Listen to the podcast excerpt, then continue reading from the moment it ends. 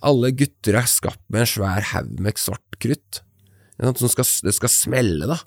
Istedenfor så tømmer man det ut på en våt gate, og det sånn, det blir ødelagt, og så bare sånn, ja, nei, det var ingenting her.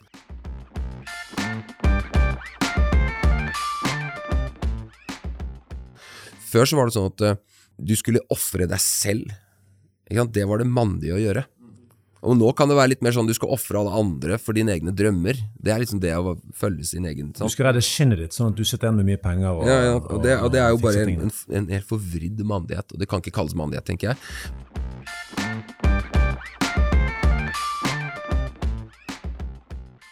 Eh, Det ble gjort en undersøkelse, en gateundersøkelse. Så spurte de en hel haug med kvinner og menn. eh, Ja, eh, hvis en skal ofre livet sitt, skal det være mann eller kvinnen? Mm. du hva? Alle mennene sa jeg. Alle kvinnene sa mann.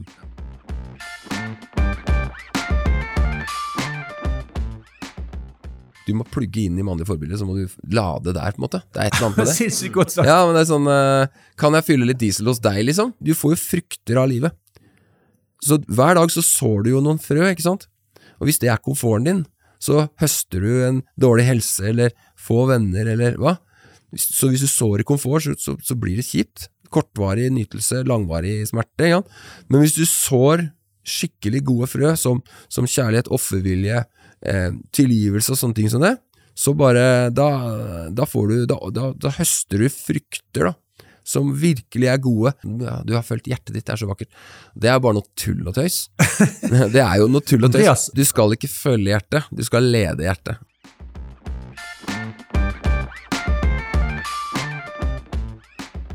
Det siver gift ut av en mann som ikke har fått den rollen, eller tatt den rollen som han skal ha. Så hvis en mann skal vokse, så må han ha ansvar. Og hvis han ikke får ansvar, så, så visner han.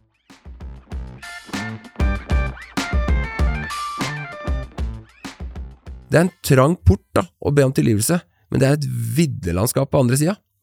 Og det er en trang port med, med selvoppofring, men det er jo der livet virkelig får tak i deg. Det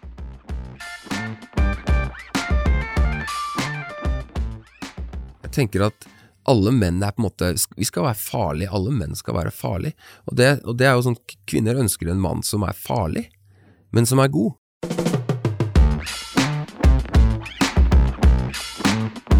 Du hører Mannspodden, jakten på mannsidentitet. Bli med Andreas Skjelde og Einar Helgaas på din vei mot autentisk maskulinitet.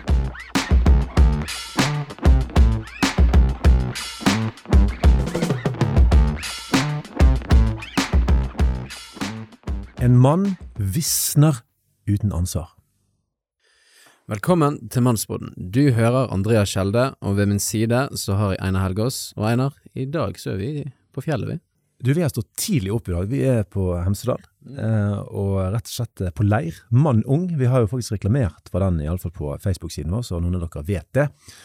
Så her eh, freser vi på, altså. Andreas, du har vært ute og, og, styrt litt i, eh, i Nå får dere høre stemmen på vår hemmelige gjest, som heter Andreas Kjøndal. Men hva gøy har du gjort der?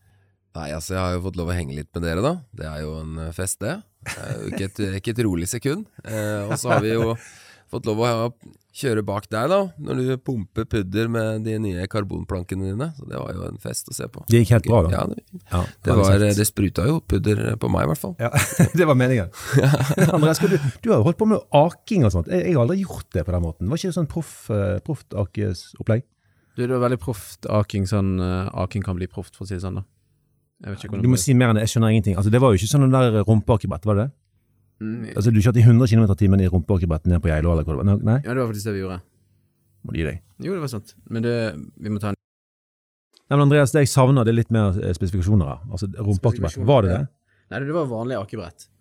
Eh, det var vanlig akebrett, så vi eh, var elleve gutter som hadde det veldig kjekt, krasjet i hverandre, og én holdt på nesten på å dø, men sånn er livet av og til. Så det, det var veldig kjekt. Kult.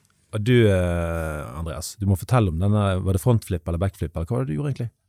Og det er lenge siden sist. Ja, det, det er jo klart, når du bikker 42, så er det ikke sånn ofte at man eh, Men jeg, jeg dro faktisk en eh, frontflip og en backflip i fjor òg, så det var jo fint. Men nei, det var et, noe som kidsa kaller road gap.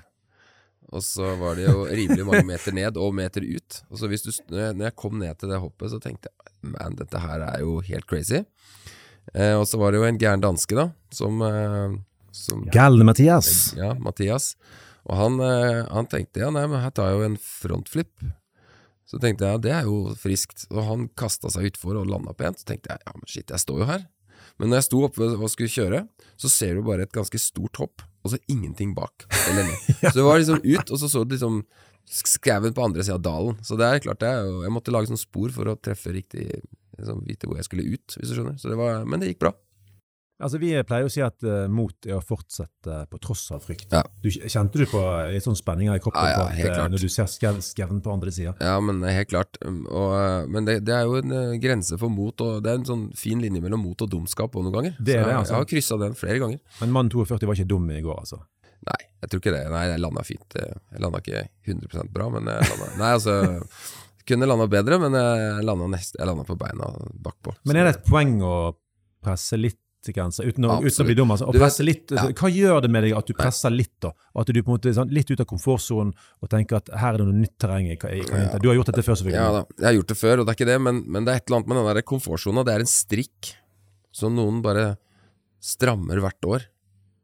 Spesielt sånn, Jeg snakker med folk som bare Ja, nei, når jeg var, da jeg var 15, da kunne jeg hoppe fra treeren, men nå tør jeg ikke det lenger. Og det syns jeg er, det er noe av det det er, ikke, det er ikke det tristeste jeg hører, det fins tristere ting enn det, men det er litt trist. Når liksom folk gir opp sånne ting. Så jeg bare Nei, vet du hva. Gud hjelpe meg, ass. Jeg skal, må prøve å gnu litt på. Og så er jeg jo lærer i i ekstremsportlærer, så da var jeg jo, jeg har jo liksom jeg har ikke noe valg, da. Det blir rimelig irrelevant hvis du ikke tør noe til slutt. Og der er vi jo, Sant Andreas, da er vi jo inne på at det er en av grunnene til at du er her. At du er lærer på KVS Lyngdal. Eh, og at du har, eh, på et eller annet tidspunkt, eh, og vi kan jo spørre deg hva skjedde der egentlig, fått et spesielt hjerte for gutter. Unge menn. sant? Dette her er jo da gutter 16 18 år, roughly, som du selvfølgelig har mye med deg ut på alle mulige idrettsaktiviteter, padling osv. Og så har du fått et spesielt hjerte for de òg, midt i det. Og det er jo ja, som sagt litt av grunnen til at vi vil invitere deg og ta en prat. Ja, Altså, jeg eh, jeg, har, jeg føler jeg har en sånn Jeg blir så berørt, da, når jeg, når jeg ser unge karer som har et potensial. Og ikke bare Altså, alle har jo et potensial, men det er liksom Noen ganger så treffer hjertet mitt så spesielt, da. Og jeg bare tenker ah, disse her, de kunne jeg hjulpet videre, da. På sin reise. Og det kjenner jeg altså, Det er en eh, Jeg elsker Arn-serien. Altså Tempelridderen. Ja, jeg òg. Ja, det er fantastisk. Og når, når disse to trellguttene kommer til Arn og har lyst til å gå i tjeneste, og han ser på dem og egentlig kunne bare føysa dem av gårde, kom dere vekk, men han setter seg ned på kne og bare Dere to, jeg ser, dere har mot. Kom til meg om fem år, eller hva det er, så skal du sånn. Og det kjenner jeg, det, det er nesten så jeg begynner å grine, altså. For det der øyeblikket der, det, det kommuniserer ekstremt med mitt hjerte. Og nå er jeg liksom rundt på ungdomsskoler, og jeg har markedsføringsansvar på KVS, og så er jeg rundt på ungdomsskoler og, og snakker om KVS. da. Og Hvis noen har sagt til meg når jeg var 18 ja, Andreas, når du blir 40, så kommer du til å elske å dra rundt, på ung, gå, dra rundt i tiende klasse. klasser, og liksom og fortelle om en videregående skole. Så hadde jeg tenkt bare shut up, det er jo det dummeste jeg har hørt. Men jeg, jeg trives med det. altså det er og det er klart, det er jo ikke det gøyeste i livet, men det er, det er meningsfullt altså, å se disse unge, og så ser du det er noen som er hjelpeløse, de vet ikke helt hva de skal ta til på, og så har de dårlige vaner, og så, og så liksom Tenk bare, ok, kan vi få snudd noe her, så de bare kan bygge sterke liv? Åh, det kjenner jeg, ass. Men så er det noe med at eh, du er far til hvor mange barn? Fire. Fire barn. Nå Ja. satte jeg kaffen i halsen. Fødte grisen. Fødte grisen. Ja, Nei, det, fire barn. Det, er godt Mm. jobba, sant? Veldig godt jobba. Jeg har jo òg fire, så det Ja, har vi, veldig bra. vi kan ha en liten klubb, klubbprat eh, på det etterpå. Mm. Men, men altså, sånn at du har vært far i en del år, eh, og det er jo litt Du fedrer jo litt, da. Ja, ja. eh, Man, man vokser jo litt inn i dette. Ja, det må, det må jo ha litt med modning å gjøre. Altså, Ja. Som far så ser du da disse unge, og du, du vet litt Mm. hva de kan komme inn i hvis Ja, de får litt veiledning. Samtidig så tror jeg kanskje det er liksom noe jeg er skapt med, egentlig. Den derre eh, Se det potensialet, da. Uh, og du vokser jo, du modnes jo inn i det, absolutt. Men det har alltid berørt meg, på en måte. Så, så det er Og så er det interessant fordi um, når jeg begynte, jeg begynte å jobbe på KVS, så var jeg jo spireung. Jeg var 23 år. Så jeg var liksom lærer for noen som var bare noen få år yngre. Så noen av de tidligste elevene er jo noen av mine beste venner nå. Så det er, Ja, okay. så det er litt morsomt. Men, eh, så jeg setter anmerkning på det hvis de kommer for seint sånn ennå. Sånn, rolle, sånn rolleblanding her. Hm, hm, Ja, hm. det er ikke sant. Det er noen hatter der. Men, nei, men poenget er at da var jeg liksom kul storebror, eller hva. I hvert fall storebror. Og så har jeg på en måte blitt litt onkel, og så nå har jeg på en måte blitt litt pappa. Ja. Og så har jeg vært litt redd for de faseforflytningene der, men så ser jeg bare det er kjempemeningsfullt. Så det er, det, er, det er utrolig gøy å se hvordan man endrer rolle og endrer seg, på en måte.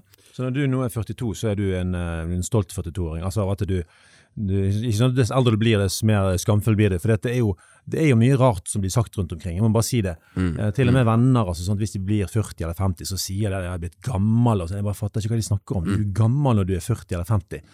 Og, og at man har liksom en sånn nedsigstemning rundt alderen sin. Men det virker ikke som du er der. Nei, altså, men det er klart Når man eh, Man merker jo at man blir Man ser seg i speilet, og så ser du ah, ok Og alle disse ansiktene som jeg kommuniserer med hver dag, de er jo pur unge, ikke sant? Og så på en måte Man forandrer seg, da, og det at tida går, og det er jo noen ting med det som man kan kjenne på, men enn så lenge da, så holder jeg fysikken rimelig bra. Og jeg tror nok det kan bli verre når, når jeg begynner å sige på liksom eh, de, jeg, bare venter, jeg venter her, gutta, bare løp videre, liksom. Skjønner du? Hvis det, hvis det blir til det, så tenker jeg da Det kommer jeg nok til å kjenne mer. Og jobben jeg har, er jo en veldig fysisk jobb. Idrettslærer er en fysisk jobb, så det blir spennende å se liksom hvordan det tar av sted. Men enn så lenge så, så holder jeg bra form. Kult. Du, eh, Andreas, du eh, valgte på et eller annet tidspunkt å eh, gå inn i det militære, litt sånn tyngre. Hva gjorde det? For vi syns dette med mandighet er spennende. Du er òg en som du tør å ta ordet mandighet i din munn. Det er jo ikke veldig mange i Norge i dag som tar det ordet i sin munn uten at man kjenner på skam, eller at dette var ikke politisk korrekt, eller sånt. Det, jeg, det driter vi en Mm. lang marsj i. Men da er spørsmålet, hva tenker du om mandighet? Hva er det, og, og, og hva hadde det med din vei inn i militæret å gjøre? Altså, når man, er, når man er liten, så ser man jo sant, på sin far, og man ser på, på måte, mannlige forbilder rundt omkring seg, for man trenger mannlige forbilder. Man, man feeder av disse mannlige forbildene, og har man ikke, så vil man suge til seg andre steder. Det er jo litt din historie, ikke sant? Du kjente på det at når, du- når du kom på leir, sant, så, så, så bare åh, du s- sånn, trengte disse mannlige forbildene, og det er et eller annet med du må, du må plugge inn i mannlige forbilder, så må du lade der, på en måte. Det er et eller annet med det. Sinnssykt godt sagt. Ja, men det er sånn eh, Kan jeg fylle litt diesel hos deg, liksom? Det er et eller annet med det, for du, du, jeg er nødt til å se hvordan mann skal være. Og jeg, og jeg har vel aldri jeg, Det fins kvinner i mitt liv som er forbilledlige, men jeg har aldri fulgt en kvinne i mitt liv. Skyt meg, altså, men jeg har aldri gjort det, og det, det, jeg har ikke tenkt på det før i det siste. Won't shoot ya. Men sant, jeg har fulgt menn, og jeg sant, følger menn. Eh, så, så det er et eller annet med et ungt hjerte, guttehjerte, som, som, som lurer på hva er det å være mann. Og for meg så var det som så på faren min, kjempebra mann, hel ved, eh, staut, vilje av stål, ikke sant, og jobba, han var bonde, jobba døgnet rundt og bare bærte bører og virkelig ofra seg på den måten da. Og, og han ga seg aldri, og det var noe som jeg bare tenkte, det er mannlig. Og så, var han, øh, ja. og så søkte jeg på en måte den mandigheten der, da. for meg så har det ligget veldig sånn Jeg, jeg har prøvd sånn, Skal jeg ta over gården, og så videre? For meg så var ikke det det som traff meg. Jeg kjente at det var ikke det jeg var skapt til. Men, men dette soldatlivet, det, det trakk meg sånn enormt. Der er det en del sånn mandige ting, da, kanskje. Eh, Med styrke og utholdenhet og mot, og, og, og holde hodet kaldt i strid, og ikke sant. Eh, Utfordringer og ansvar og det.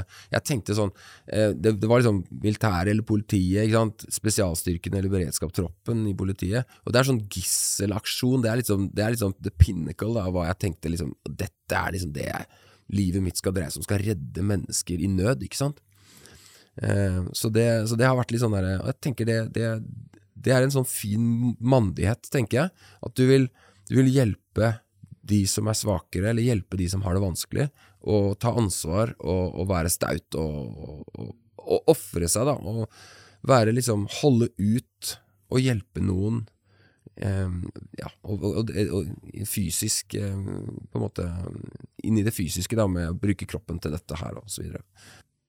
Men har det alltid vært sånn, på en måte, eller er det en spesiell hendelse i din barndom som bare Det er det jeg ønsker? Nei, altså Så lenge jeg kan huske, da, så har jeg vært veldig opptatt av å, å være sterk og utholdende og, og hoppe fra høye steder og liksom eh, Spenning med skyting og bilkjøring og ikke sant, alt det der. Jeg har vært en spenningssøker i hele tida, liksom.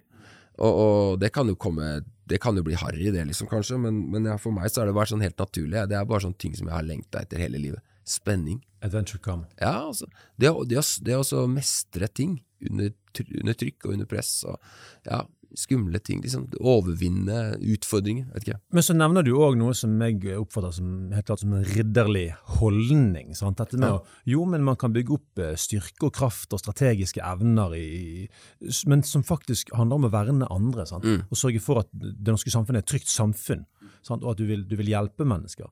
Hva tenker du om ridderlighet kommet Altså, opp mot er- mandighet, og, og det der med faktisk å ofre seg sjøl for andre, som kan være noe som skjer i militæret? Mm. For eksempel. Jeg tenker at ridderlighet er jo et, dessverre et litt tapt uttrykk. Fordi at riddere var sånn, når jeg var liten, så var det prins Valiant, eller det var kanskje litt eh, gamle bøker når jeg var liten også, det. Men liksom ridderen hadde runde bord, og den derre off, eh, offerviljen og ridderligheten. Før så var det sånn at eh, du skulle ofre deg selv. Det var det mandige å gjøre. Og nå kan det være litt mer sånn du skal ofre alle andre for dine egne drømmer. Det er liksom det å følge sin egen Du skal redde skinnet ditt, sånn at du sitter igjen med mye penger. Og, Ja, ja, og det, og det er jo bare en, en, en helt forvridd mandighet, og det kan ikke kalles mandighet, tenker jeg. Men akkurat det, med, det, det som er litt interessant da, inn mot f.eks. spesialstyrkene osv., eh, det er at du går inn der og tenker, ikke sant eh, Jeg vil, jeg ofre, jeg, vil- jeg vil blø for landet, jeg vil hjelpe venner, jeg vil liksom eh, off, eh, ikke sant? Stå på barrikadene for de svake osv. Og, og, og redde folk som er i en forferdelig situasjon. ikke sant? Gisseldramaer nedover i ikke sant? Afrika osv. Og, og det ser vi jo mange eksempler på. Og så er det sånn Det kan være en motivasjon, men i det da, så kan det komme en sånn der litt sånn eh, giftig hovmodighet og stolthet også. Og det er det jeg kanskje så etter hvert, at det, uh, det er veldig mange som ofrer av offervilje, men, men det, du kommer sabla godt ut sjøl òg, på en måte. Så det, det å redde et gissel, det er jo flott for dette gisselet, men så, så er det et eller annet man kan slå seg på brystet og bare Der er du meg, liksom. Jeg er sånn som er tøff og sterk og redder gisler. Men men hva skjer da? For det er klart at eh, du skal jo ikke la være å redde det gisselet, Mm. men så sitter du igjen, og så, og så må du jobbe med holdningene dine i Ja, helt klart. Eh, om du blir cocky i hodet ditt, Mm. eh, eller om du eh, eh, Altså, Mm. det er vel ydmykhet Ja. du tenker på at hvis man da er ydmyk, så kan man redde så mange gisler man bare vil, og så eh, sliter ikke du med et holdningsproblem. Nettopp. Og det, og det er jo mange av disse i spesialstyrkene som er, er ydmyke. Og, og, og, det er jo mange som har opplevd vonde ting og sliter med det og så videre, og det er ingen enkel sak det, å være ute på oppdrag videre, uten at jeg har vært det sjøl. Men det har jeg jo fått med meg. Så, øhm, men det er, det er alltid et eller annet med den mandigheten som, som, som er helt utrolig vakker. Den der offerviljen, å bruke styrken for å hjelpe de som ikke er så sterke. Ehm, og så er det noe som kan bli eh, litt sånn toxic i det, da, der du enten bruker styrken til å utnytte, og det er det mange som gjør, eller, eller bruker styrke til å hjelpe med, med, et, eh, med et eh, motiv som er giftig. da. Så, men det, motivene kommer vi kanskje ikke alltid helt unna heller. Altså Skjulte motiver og så videre som kanskje ikke er klar over sjøl. Men så ble du marinejeger. Eh, gjorde det at disse tingene ble enda mer utfordrende? Altså at Da er du på Er ikke du ganske mye on top eh, i militæret i, i forhold til mandighetsskalaen, da? Ja. ja, altså Det er sånn at hvis jeg var, når jeg var 14, så traff jeg en marinejeger, liksom. Og, og, og, og det er sånn, da sto jeg, jeg bare med åpen munn ikke sant, i nærheten der, og bare så på han og så alt han gjorde, og, og sugde temaet. tenkte det skal jeg også gjøre. på en måte eh, så, så det er et eller annet med det, da. Nå skal ikke jeg Nå var jeg, jeg, jeg var ett år, så jeg har på en måte ikke vært, ikke vært ute og så videre og sånne ting, men jeg, men jeg søkte jo veldig etter det her, og når jeg kom inn og, og, og det sto marinejeger i liksom, Jeg var, var gjennom opptaket og alt det der, og det sto marinejeger i vernepliktskortet mitt og så videre, så, så, så får du en stolthet, da. Det er jo en god stolthet på en måte. Eh, og så kan det være litt sånn, du kan pøffe deg litt mye opp på det. Jeg husker vi liksom gikk gjennom messene når vi var på øvelser sånn på Ørlandet og sånn, og du har den der bereten, og da har du sånn grønn filt da, som, det, som er sydd inn i den bereten. Og du, du, du merka på en måte at det susa litt i folka når du gikk forbi, da. At her kommer gutta, liksom. Og det var sånn at- Og det var på en måte så ekstremt deilig. Eh, og så var det, så merka jeg samtidig at dette er litt farlig for meg, liksom.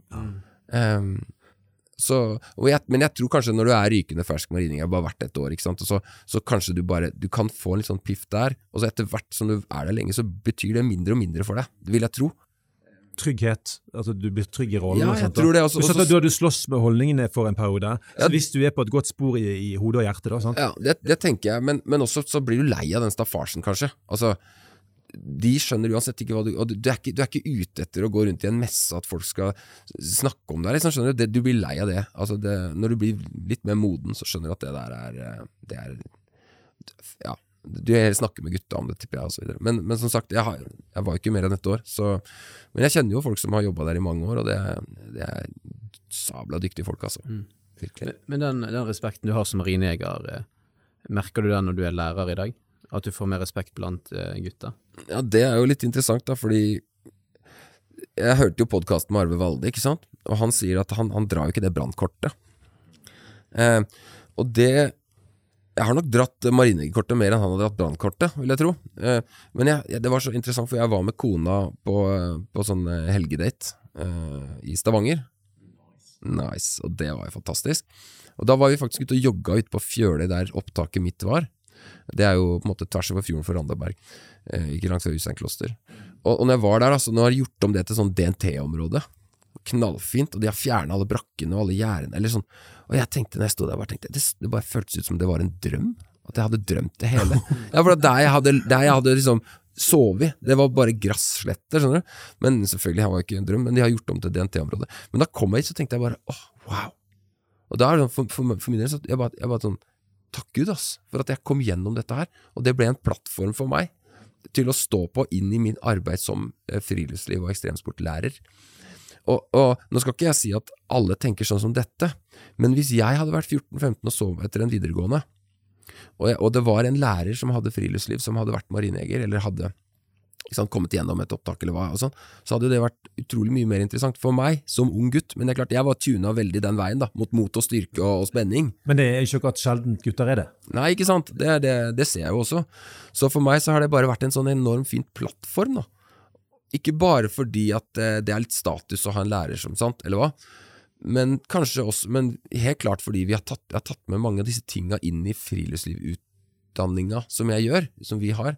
Og det er liksom, Vi setter opp telt i blinde, og vi svømmer med sekk på høsttur, og vi kjører litt hardt, da. Og vi har survival og sånn. Så det er jo sånn, vi kjører de så hardt vi kan, og hvis de kommer for seint, så er det ti pushups per minutt. Så enten, enten så blir du veldig punktlig, eller så blir det større kasse. Så det er jo det er vinn-vinn-situasjon. Og det er jo ikke en straff, for jeg har ikke lov å straffe elevene. Det er en gave. Ja, Å ja, der vred du deg godt unna. ja det vred jeg godt unna. Så ja, jeg har delt ut noen pushups opp igjennom. Men, eh, men ja, det, har fått, det har vært en plattform for meg, jeg er så takknemlig for den plattformen det har vært. Og så må man være forsiktig. Du kan da være veldig toxic gjennom livet og bare ja, 'Jeg har vært marinejeger' og sånn. Det, liksom, altså, det var ett år. Eh, og jeg, jeg jobba litt i 016 etterpå, en sånn eh, spesialavdeling i Heimevernet, og det var veldig bra. Så jeg har på en måte vært litt i det miljøet, da. Men, så det er ikke sånn at jeg kan dra et voldsomt kort der heller. Men det er et eller annet med den derre Og du, du kan på en måte bruke det, og så kan du misbruke det. Og det er litt sånn skummelt også, fordi at å puffe deg opp på noe du gjorde for 25 år siden, det er jo kjempedumt. Eh, og, og, og det kan føre til sånn derre eh, Ja, at du vil ha en quick eh, respect, ikke sant? Og så blir det litt sånn toxic, hele greia. Men akkurat i forhold til de gutter som kommer på, på deres skole, Mm. Og som kanskje har en litt eh, brokete bakgrunn, eller de, har, eh, de, de kommer litt sånn eh, halvskekt inn på videregående, så klart at jeg tenker at det må være det mest valide stedet å bruke dette. eh, For at de skal kunne kjenne at de, de får en form for respekt, da, som gjør at de har lyst til å ikke bare følge deg, men høre på hva du sier. Og, og du, du modellerer jo inn mot disse unge mennene. Eh, Kanskje det er et sted der det er mer greit enn Ja. se steder? Jeg, jeg tror at eh, i og med det, så er det på en måte en troverdighet der, da. Og jeg tror veldig mange går gjennom barne- og ungdomsskolen og kanskje ikke har så mye respekt for, eh, for lærerne sine. Dessverre. Og, det, og, respekten bør jo ikke komme fra læreren, den bør jo komme fra deg. Ikke sant, til læreren. Men, men, men det er lettere å respektere andre, eller noen enn andre. Og jeg tror nok det har vært en sånn ting for meg at jeg, jeg kan raskt få respekt, og, og det vil jeg gjerne bruke så godt jeg kan. Da. Og jeg tror det er riktig det du sier, altså. og jeg hadde nok hatt respekt sjøl, på, ja, på en måte. Stilig. Du, Vi går litt videre på eh, åpningssitatet vårt. Det sa jo du når du hadde undervisning her på, eh, på Høyfjellssenteret. Stopp, det var en liten uh, rapings her. Og Da sa du faktisk at en mann visner uten ansvar. Jeg var raskt fram med min PC og skrev det ned. For det, var, det satte faktisk ord på noe jeg har tenkt på i flere år. Og så var det bare Du bare, du, bare naila det, ikke sant? Eh, veldig, veldig bra. Men hva legger du i det? det en ting Vi har snakket om mandighet, sant? men det er mange dyder og karaktertrekk hos en mann som vi jobber med i Mannsbåten, som vi, vi, vi digger å jobbe med, for jeg tror det hjelper oss. Hva, hva, hva er det som gjør at du sier noe sånt? Jeg tror at eh, på liksom backburneren av eh, feminismen, så tror jeg nok kanskje at eh, i og med at eh, både menn og kvinner da eh, på en måte tvinges til å gjøre det samme, på en måte, og det ikke er noen forskjell i rollene lenger, i hvert fall sånn. Det er det inntrykket man kan sitte med, i hvert fall. Absolutt. Uh, så tror jeg nok at uh, mannen er- Sånn som jeg ser det, da, og kanskje kjenner meg sjøl, så kan en mannen sone litt ut hvis han ikke blir gitt et ansvar, da. Og jeg tenker uh, en mann som ikke tar ansvar eh, og er lat, det, det da, da sliter du ut kona di, da. For kona, eller kvinner, føler jeg i hvert fall Min erfaring er at de tar mye mer ansvar. De har en sånn iboende kjærlighet i seg for barna videre, som de ikke de kan De kan bare ikke la det være. I hvert fall de aller, aller fleste. Eh, Så jeg, jeg, jeg kan på en måte se at eh, mannen har en sterkere sånn, eh, egennytte, komfortsone, hva skal jeg si, passe på sin egen eh, dag. Mens, mens kvinnen har en sånn kjærlighet som, til barna og, og familien, at, at eh, kan ikke for sitt bare liv da, Ja. droppe ansvaret sitt. Ja, Det er helt riktig. Jeg, Ja. tror, jeg tror du beskriver det helt riktig, altså. Og, og da, hvis da en mann eh, på en måte blir skal gjøre akkurat det samme som en kvinne, så er det sånn Huske bleier når du går ut av huset, liksom, og ta med seg den barnevogna, putte det setet på plass i bilen etterpå. Jeg, jeg, jeg har dratt av gårde med barna, så bare ligger ting igjen. Og jeg, har, sånn? For jeg er ikke noe interessert i Og, og det burde jeg sikkert vært, men, men det er jo noe når du har, når du har levd i mange år, da så, så, så vet du, kjenner du deg sjøl så godt at det er noen ting som du bare Og veldig mange menn, da, bare ikke for sitt bare liv klarer å liksom stå i, da. av, av interesse for å Alt det som må til i en familie, kanskje, eller hva. Og hvis ikke han da på en måte blir satt i en rolle der han har ansvar for dette, og det er viktig at han måte, og har en lederrolle, tror jeg, Mm. Så, så tror jeg at fort han kan zoome ut, og så, og så setter han seg i sofaen med fjernkontrollen, og så Ja. Og hvilken mann er det? ja det er en mann som visner, tenker jeg. Ja, da visner han. Ja, han gjør, han gjør det. Og så Det er et eller annet når- kona sier til han Men Andreas, du er lederen i vår familie. Og da bare vokser jeg så vilt. Og da tenker jeg bare shit, nå må jeg i hvert fall ikke ta noen dårlige valg for, for kona og familien. Så det, det ansvaret får meg til å steppe opp og ofre meg selv, faktisk. Og det er jo ganske vilt. Men kona di er jo eventuelt en utrolig dårlig feminist, da. Ja, hun er så dårlig feminist. så dårlig feminist! Det selv om hun Nei da, men sant. Det er, det er, ja, det er, veldig, det er veldig interessant det der. Altså hvordan, hvordan man Jeg tror veldig mange menn er klare for å på en måte ofre seg, men de må ha roll, en rolle, da. De må settes i i lederskap. Jeg vet ikke, ass, men Men jeg må si en veldig gøy ting. da. Min sønn eh, eh, ja, men Du har ikke sendt meg den artikkelen, du har lov med det. Men han eh, leste rett og slett et sted at eh, det ble gjort en undersøkelse, jeg tror det var en gateundersøkelse. Så spurte de en hel haug med kvinner og menn. eh, ja, eh, hvis en skal ofre livet sitt, skal det være mann eller kvinnen? Vet du hva? Alle mennene sa jeg. Alle kvinnene sa mann. Og hvor i huleste hallo?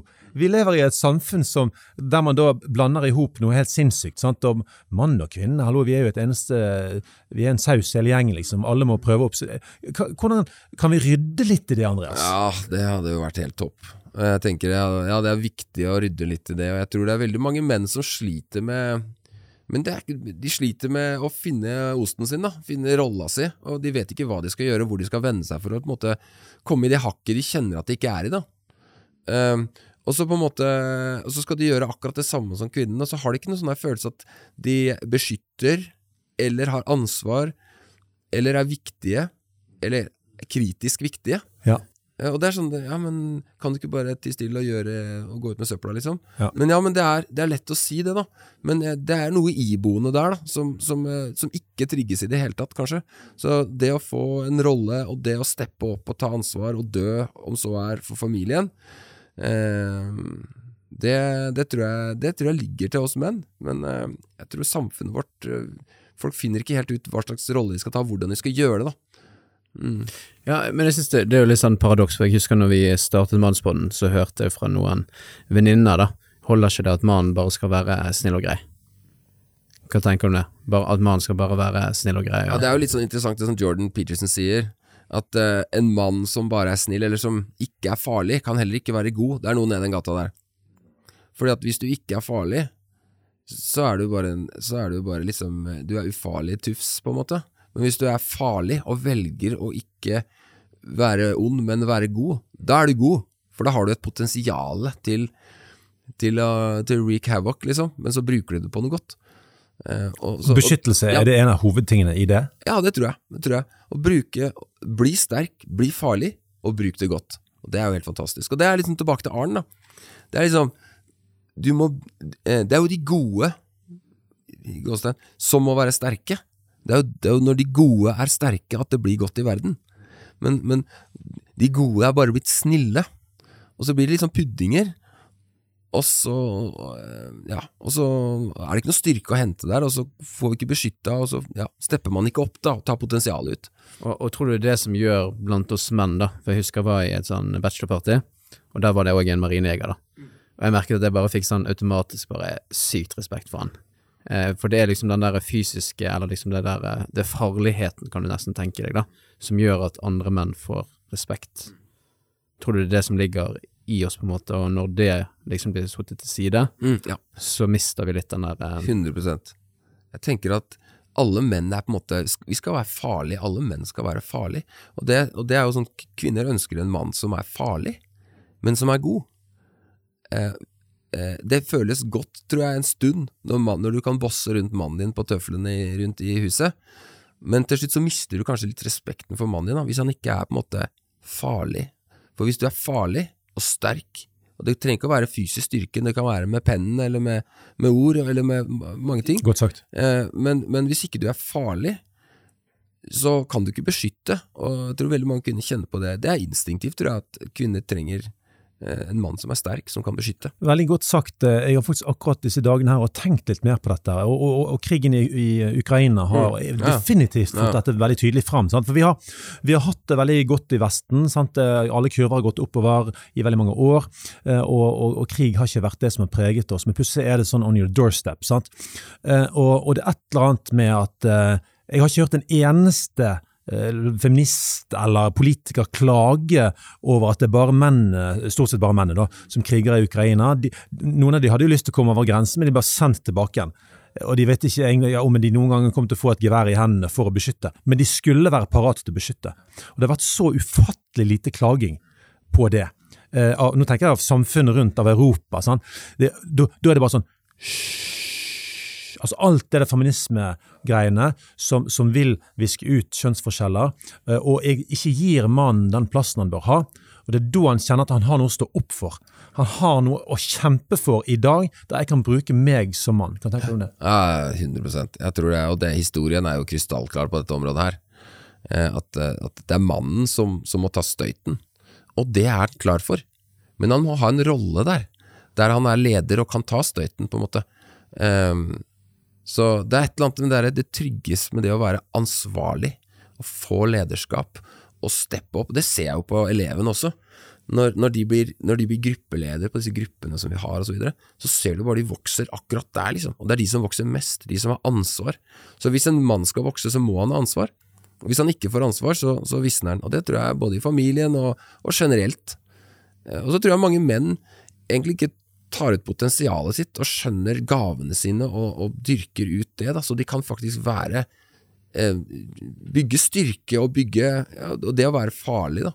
Det er et eller annet sånn En mann som er dyktig, er måte Det er en måte å være farlig på, hvis du skjønner. Eh, og, og, og så sitter de der, og så kaster man kanskje bort potensialet sitt, da. Fordi man ikke helt finner ut eh, identiteten sin.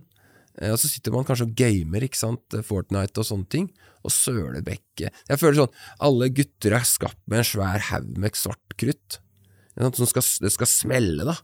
Men Istedenfor så tømmer man det ut på en våt gate, og det sånn, det blir ødelagt, og så bare sånn, ja, det var ingenting her. Og det er så supertrist, for at det skal smelle. Jeg tror det er det vi er skapt og kalt, ikke sant, at vi skal, skal være staute, og vi skal utvikle oss, og vi skal ta ansvar, og gjøre verden til et bedre sted, om så vi må dø. Og det trigger gutter, altså. Virkelig. Altså, Undertrykt mannskraft har ikke jeg noe tro på. da.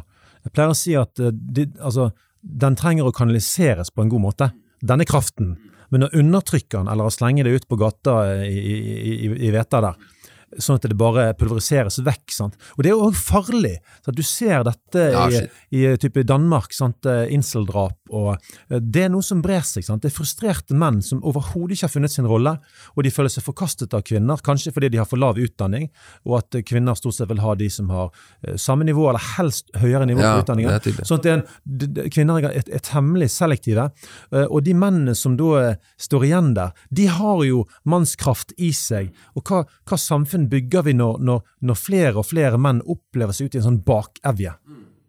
Nei, jeg, jeg tror at hvis du ikke øh, tar ut potensialet, og du blir på en måte ja, lagt i en bakevje, da, så får du ganske mange negative konsekvenser. Og, øh, og, og noe av det er den toxic masculinity, tenker jeg, da. At øh, man, man har denne mannskraften, og så bruker man den feil. Istedenfor å være protector, så blir man predator, ikke sant? Mm, og bruker sagt. kvinner istedenfor å beskytte dem. Eh, og, du, og, du, eh, og du skaffer deg masse penger istedenfor å gi og bygge. Eh, og du, på en måte, du, du blir destruktiv da, istedenfor konstruktiv. på en måte Og det handler om deg sjøl. Ja, du blir, ja, du blir egoist. For jeg tror det er jo sånn iboende greie for menn at man er mer egoistisk eh, på, en måte, på autopilot enn det kvinner er. I hvert fall de fleste. Så, og, og da får det dårlig uttrykk der. Og så en mann, ikke sant det, Man kan klare seg med på en måte Med få ting, tilsynelatende, i løpet av livet. Det er på en måte Alt, du får alt oppi en Rema-pose. sant? ja, du får alltid en Rema-pose eller på en skjerm, ikke sant? Så, så det, det kan jo bli veldig destruktivt.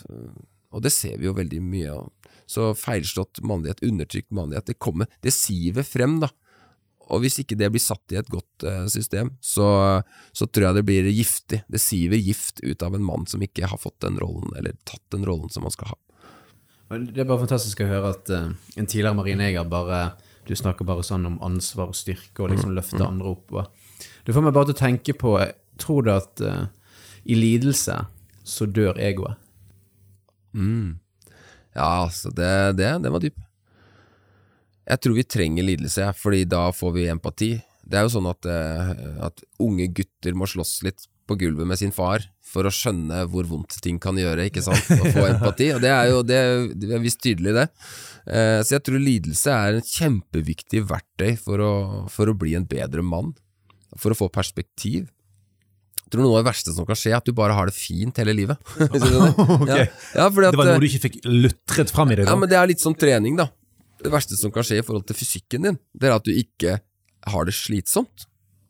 For, når, når låra dine pumper pudder, ikke sant, med Telemark og du Det svei godt, for å si det sånn. Det svei godt, da. Det var imponerende form du er i, ass. Det var veldig bra. Eh, da, hvis ikke du legger på vektstanga, så blir du ikke sterkere. Og det er veldig mange og hvis, hvis, hvis, ja, Og komfortsona, autopiloten, den, den går rett imot komfortsona. Den går rett imot eh, bamsemomsen og fjernkontrollen. Ja, men den gjør det. Komfortsona, og det, det Altså, jeg liker veldig godt å snakke om komfortsona eh, og, og, og autopiloten. For autopiloten det er en skummel ting. Altså. Hvis ikke vi er på, hvis ikke jeg er på, så går autopiloten min et sted som jeg ikke vil. Og så ser jeg tilbake og så er jeg styrt av autopiloten min inn i noe jeg ikke vil. Og den der offerviljen og selvfornektelse og, og sånne ting, den, den går ikke autopiloten på, tenker jeg. For den går mot komfort. Så vi søker komfort. Og da, da um, er man det motsatte av det en mann tenker jeg skal være, da.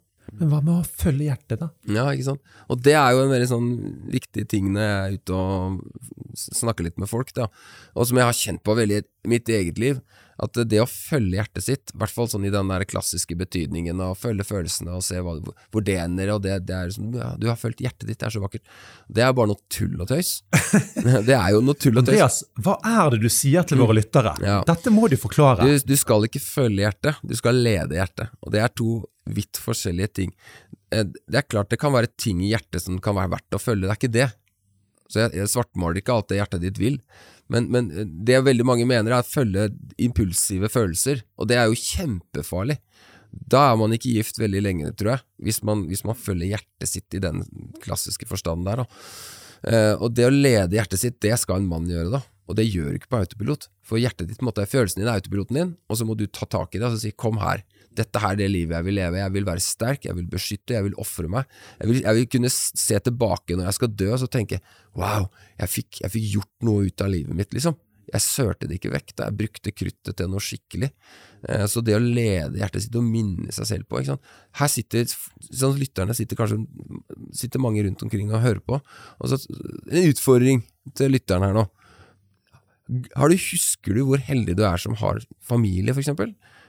Far og mor, du, er du takknemlig for det? Har du glemt hvor heldig du har vært? ikke sant? Eh, og de fleste av oss har vært ganske heldige, og er heldige. Har du, har du glemt hvor heldig du er som, som kan spise deg mett i dag? Sett deg og tenk på det, liksom. Og da kommer jo faste inn, men det blir jo et helt annet tema. Men hvis du er litt sånn, hvis du kikker i kjøleskapet, det gjør jeg nå, hvis du kikker i kjøleskapet og så ser ah, er vi ikke noe mer her? Ah, ok, så kjedelig. Og så er det liksom ti pålegg der, da. Mm. Andreas, nå trenger du en faste snart. Du kommer ikke fra Norge, gjør du det? da trenger du en faste snart, og det er det perspektivet der. Da. Man må lede hjertet sitt, og da, da blir man sterk. Og da blir man jo en utrolig attraktiv mann òg. For en mann som bare følger hjertet sitt, det, er, det kan bli rimelig giftig, altså. Men uh, det er utrolig kult sagt. Du mm. skal ikke følge hjertet ditt, du skal lede det. Mm. Og det er klart, uh, Hjertet vårt det inneholder eh, på en måte alt. Mm. Det inneholder de gode drivene og de dårlige drivene. Og det er de dårlige drivene som er der, som gjør at det definitivt må ledes. Hvis autopiloten var 'jeg vil ofre meg for verden rundt meg', 'jeg vil gjøre verden til et bedre sted', 'jeg vasker gjerne doen når jeg er på hyttetur', osv., osv. Da hadde alt vært så ufattelig greit. Men det er derfor vi må jobbe med, med, med, med dyder. Sant? Vi må jobbe med å finne ut hvilket liv er det jeg har tenkt å leve. Jo, ydmykhet det er rett og slett noe vi trenger for å kjempe mot stoltheten vår. Sant? Og vi, vi, vi trenger å tjene andre og kjempe mot egoismen i oss. Sant? Ja, og tilgivelse. Ja. Ikke sant? Og dette med her, uh, autopiloten den går inn i stolthet og vil ikke si unnskyld. Mens, mens, uh, mens det du skal gjøre, er jo å, å, si 'kan du tilgi meg'? Og så kan det virke som at det er et veldig smalt sted å gå inn i, men det er et landskap som bare fortsetter å utvide seg. da. Off, offer, å ofre seg for andre, det føles så hardt i starten. Det føles så vanskelig. Det var sånn åh, men da mister jeg jo meg selv og min komfort. Og så bare, når du går inn i Ja, men seriøst, når du går inn i det landskapet der, så er det, det er en trang port, og så er det et svært landskap bak der, der du bare vokser og blir eh, Ja, og du blir elska av de rundt deg også. På en helt annen måte. Så den derre Det er en trang port da, å be om tilgivelse, men det er et viddelandskap på andre sida. Og det er en trang port med, med selvoppofring, men det er jo der livet virkelig får tak i deg. Det er der du, det er der du kan Da snakker man om For du, du, du, får jo frukter av livet. Så hver dag så sår du jo noen frø, ikke sant? Og hvis det er komforten din, så høster du en dårlig helse eller få venner eller hva? Så hvis du sår i komfort, så, så, så blir det kjipt. Kortvarig nytelse, langvarig smerte. Ja? Men hvis du sår skikkelig gode frø, som, som kjærlighet, offervilje, eh, tilgivelse og sånne ting som det, så bare Da, da får du da, da, da, høster du frukter, da, som virkelig er gode. Og, og, nå er jeg jo i en alder 42, liksom, og jeg begynner å høste noen frukter som har ligget i bakken i mange år, og det er kjempeinteressant. Det, det er sånn grodd fram. Det, det, har vært noen kart på treet som jeg kanskje har sett, men, men, nå begynner vi å høste, da. Og noen menn som ikke skjønner dette her tidlig, og som går på autopilot hele livet, så blir det mindre og mindre frukt gjennom livet. Og til slutt så sitter du der, og det er et bart ørkenlandskap i livet ditt. Det var et vakkert bilde her. Ja. Det var så vakkert at vi, eh, vi rett og slett, vi sto en, opp en time tidligere enn de andre for å spille inn podkast. Eh, litt rufsende stemmer kanskje, men dette gikk veldig bra. Andreas, tusen tusen takk for at du ville stille opp i Mannsboden og snakke om så viktige ting som jeg tror kan bety mye for lytterne våre. Ja, bare hyggelig. All right, men da er det tid for dagens tips. Og Andreas Skjelde, hva har du å si til våre lyttere i dag? Du, I dagens tips, siden vi er til fjells, vi er i Hemsedal, så tror jeg begynn hver eneste dag med en gang du våkner, og si takk for denne dagen. Før ting ruller, liksom? så... Ja, for det, har... oh, ja, du er liksom takknemlig for at det, det, går liksom blod gjennom årene på deg, og du er faktisk klar for ja, altså, Nei, for når du begynner med takknemlighet, da får du en bedre dag. For du kan ikke bestemme over de tingene som skjer med deg, men du kan bestemme holdningen din. Og da er det bedre å gå inn hver eneste dag med en takknemlighet, at du puster, at du lever, at du er frisk. Så kjør på. Dette er mye bedre enn en fyr jeg møtte i forrige uke. Han sa, han sa god helg både mandag, tirsdag og onsdag. Så han god helg hver dag jeg gikk fra jobb. Mm. Det var, men dette er jo mye bedre. Jeg, jeg, jeg, ser den er god. Mitt, uh, mitt, tips til eh, gjengen i dag, det er faktisk um, ja, jeg, hadde, jeg, kaller det fjellbursdag. I veldig mange år så har jeg invitert en god bande med kompiser på min bursdag, og ny fjelltopp hvert år. Eh, der jeg har med meg eh, pannekakegreier som er svir på toppen der med stormkjøkken, og litt gulrotkake i en boks. Og det er veldig god stemning, altså. Det er et eller annet med brorskap, som jo er en tematikk vi har nevnt mye, men vi har ennå ikke hatt en hel episode om det. Men jeg sniker allikevel inn eh, tipset. Når du har bursdag, tenk at det er en mulighet for å eh, ta med kompiser til å gjøre noe som er utrolig kjekt. Jeg husker en gang en kamerat av meg sa 'Å, dette skulle jeg gjort hver dag!' Eh, fordi at det var så, så deilig sant, å ligge oppe på en fjelltopp, kanskje i sola der i juni når jeg har bursdag, eh, og ha det kjekt sammen med kompiser. Men du svir pannekakene hver gang, eller? Nei, jeg gjør egentlig ikke det. Men eh, det er, var en gang jeg faktisk glemte fyrstikker. Eh, Så da eh, ble det mer kake enn pannekaker, kan du si. Det er en, eh, en dårlig idé, da. Men, det, men jeg har lyst til å si at eh, jeg tror ganske mange menn, dette er mitt inntrykk på, i forhold til mine kamerater og ellers, at det, er liksom ganske mange menn som ikke bruker bursdagen som en anledning til å gjøre noe sosialt. Eh, og om noen skulle si noen gode ord til deg, så eh, tenker jeg at det med oppmuntring trenger vi, så det får nå være. Men, men det å invitere rett og slett bare fordi at vi, vi trenger fellesskap, mer enn noen annen grunn sånn sett. da. Det er en, nesten en slags god unnskyldning for å samle gutter, og gjerne altså, Jeg er en litt sånn kreativ type på det. sånn Ny fjelltopp hvert år, så det er blåtur, faktisk. da. Eh, og det er jo litt gøy, men det er samme hva du gjør, da. Sant? Om du sitter i kjellerstuen med en burger og, eh, og ser en film, eller altså, samle, samle kameratene, og, og da viser du litt at eh, jeg, dere er mine venner, og, og min bursdag den vil jeg feire med dere. Helt enig. Det er veldig bra tips, Steinar. Takk for det. Det var nok en episode av Mannsbåten, og veldig gøy at den ble spilt inn til fjells. Det må, må det bli mer av, Andreas. Helt enig. Det er gøy med ski, og ja, du får ikke det bedre enn det her.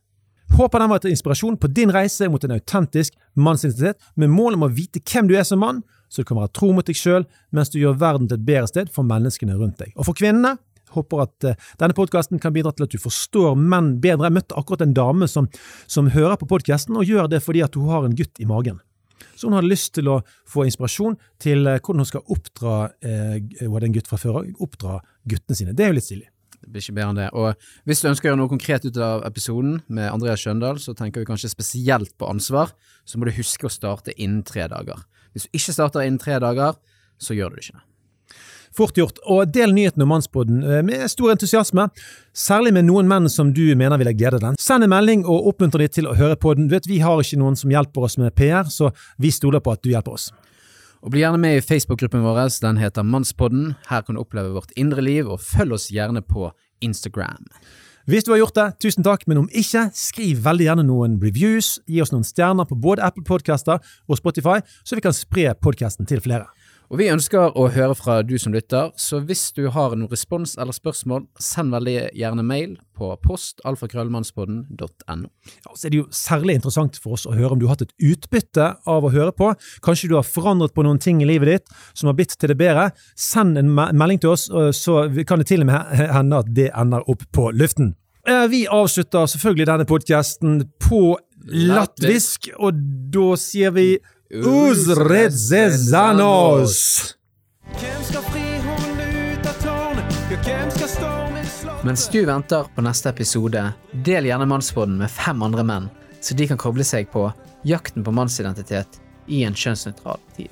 Hvis du ønsker å lære enda mer om denne tematikken, følg Mannsbåten på sosiale medier. Vi snakkes. La, la,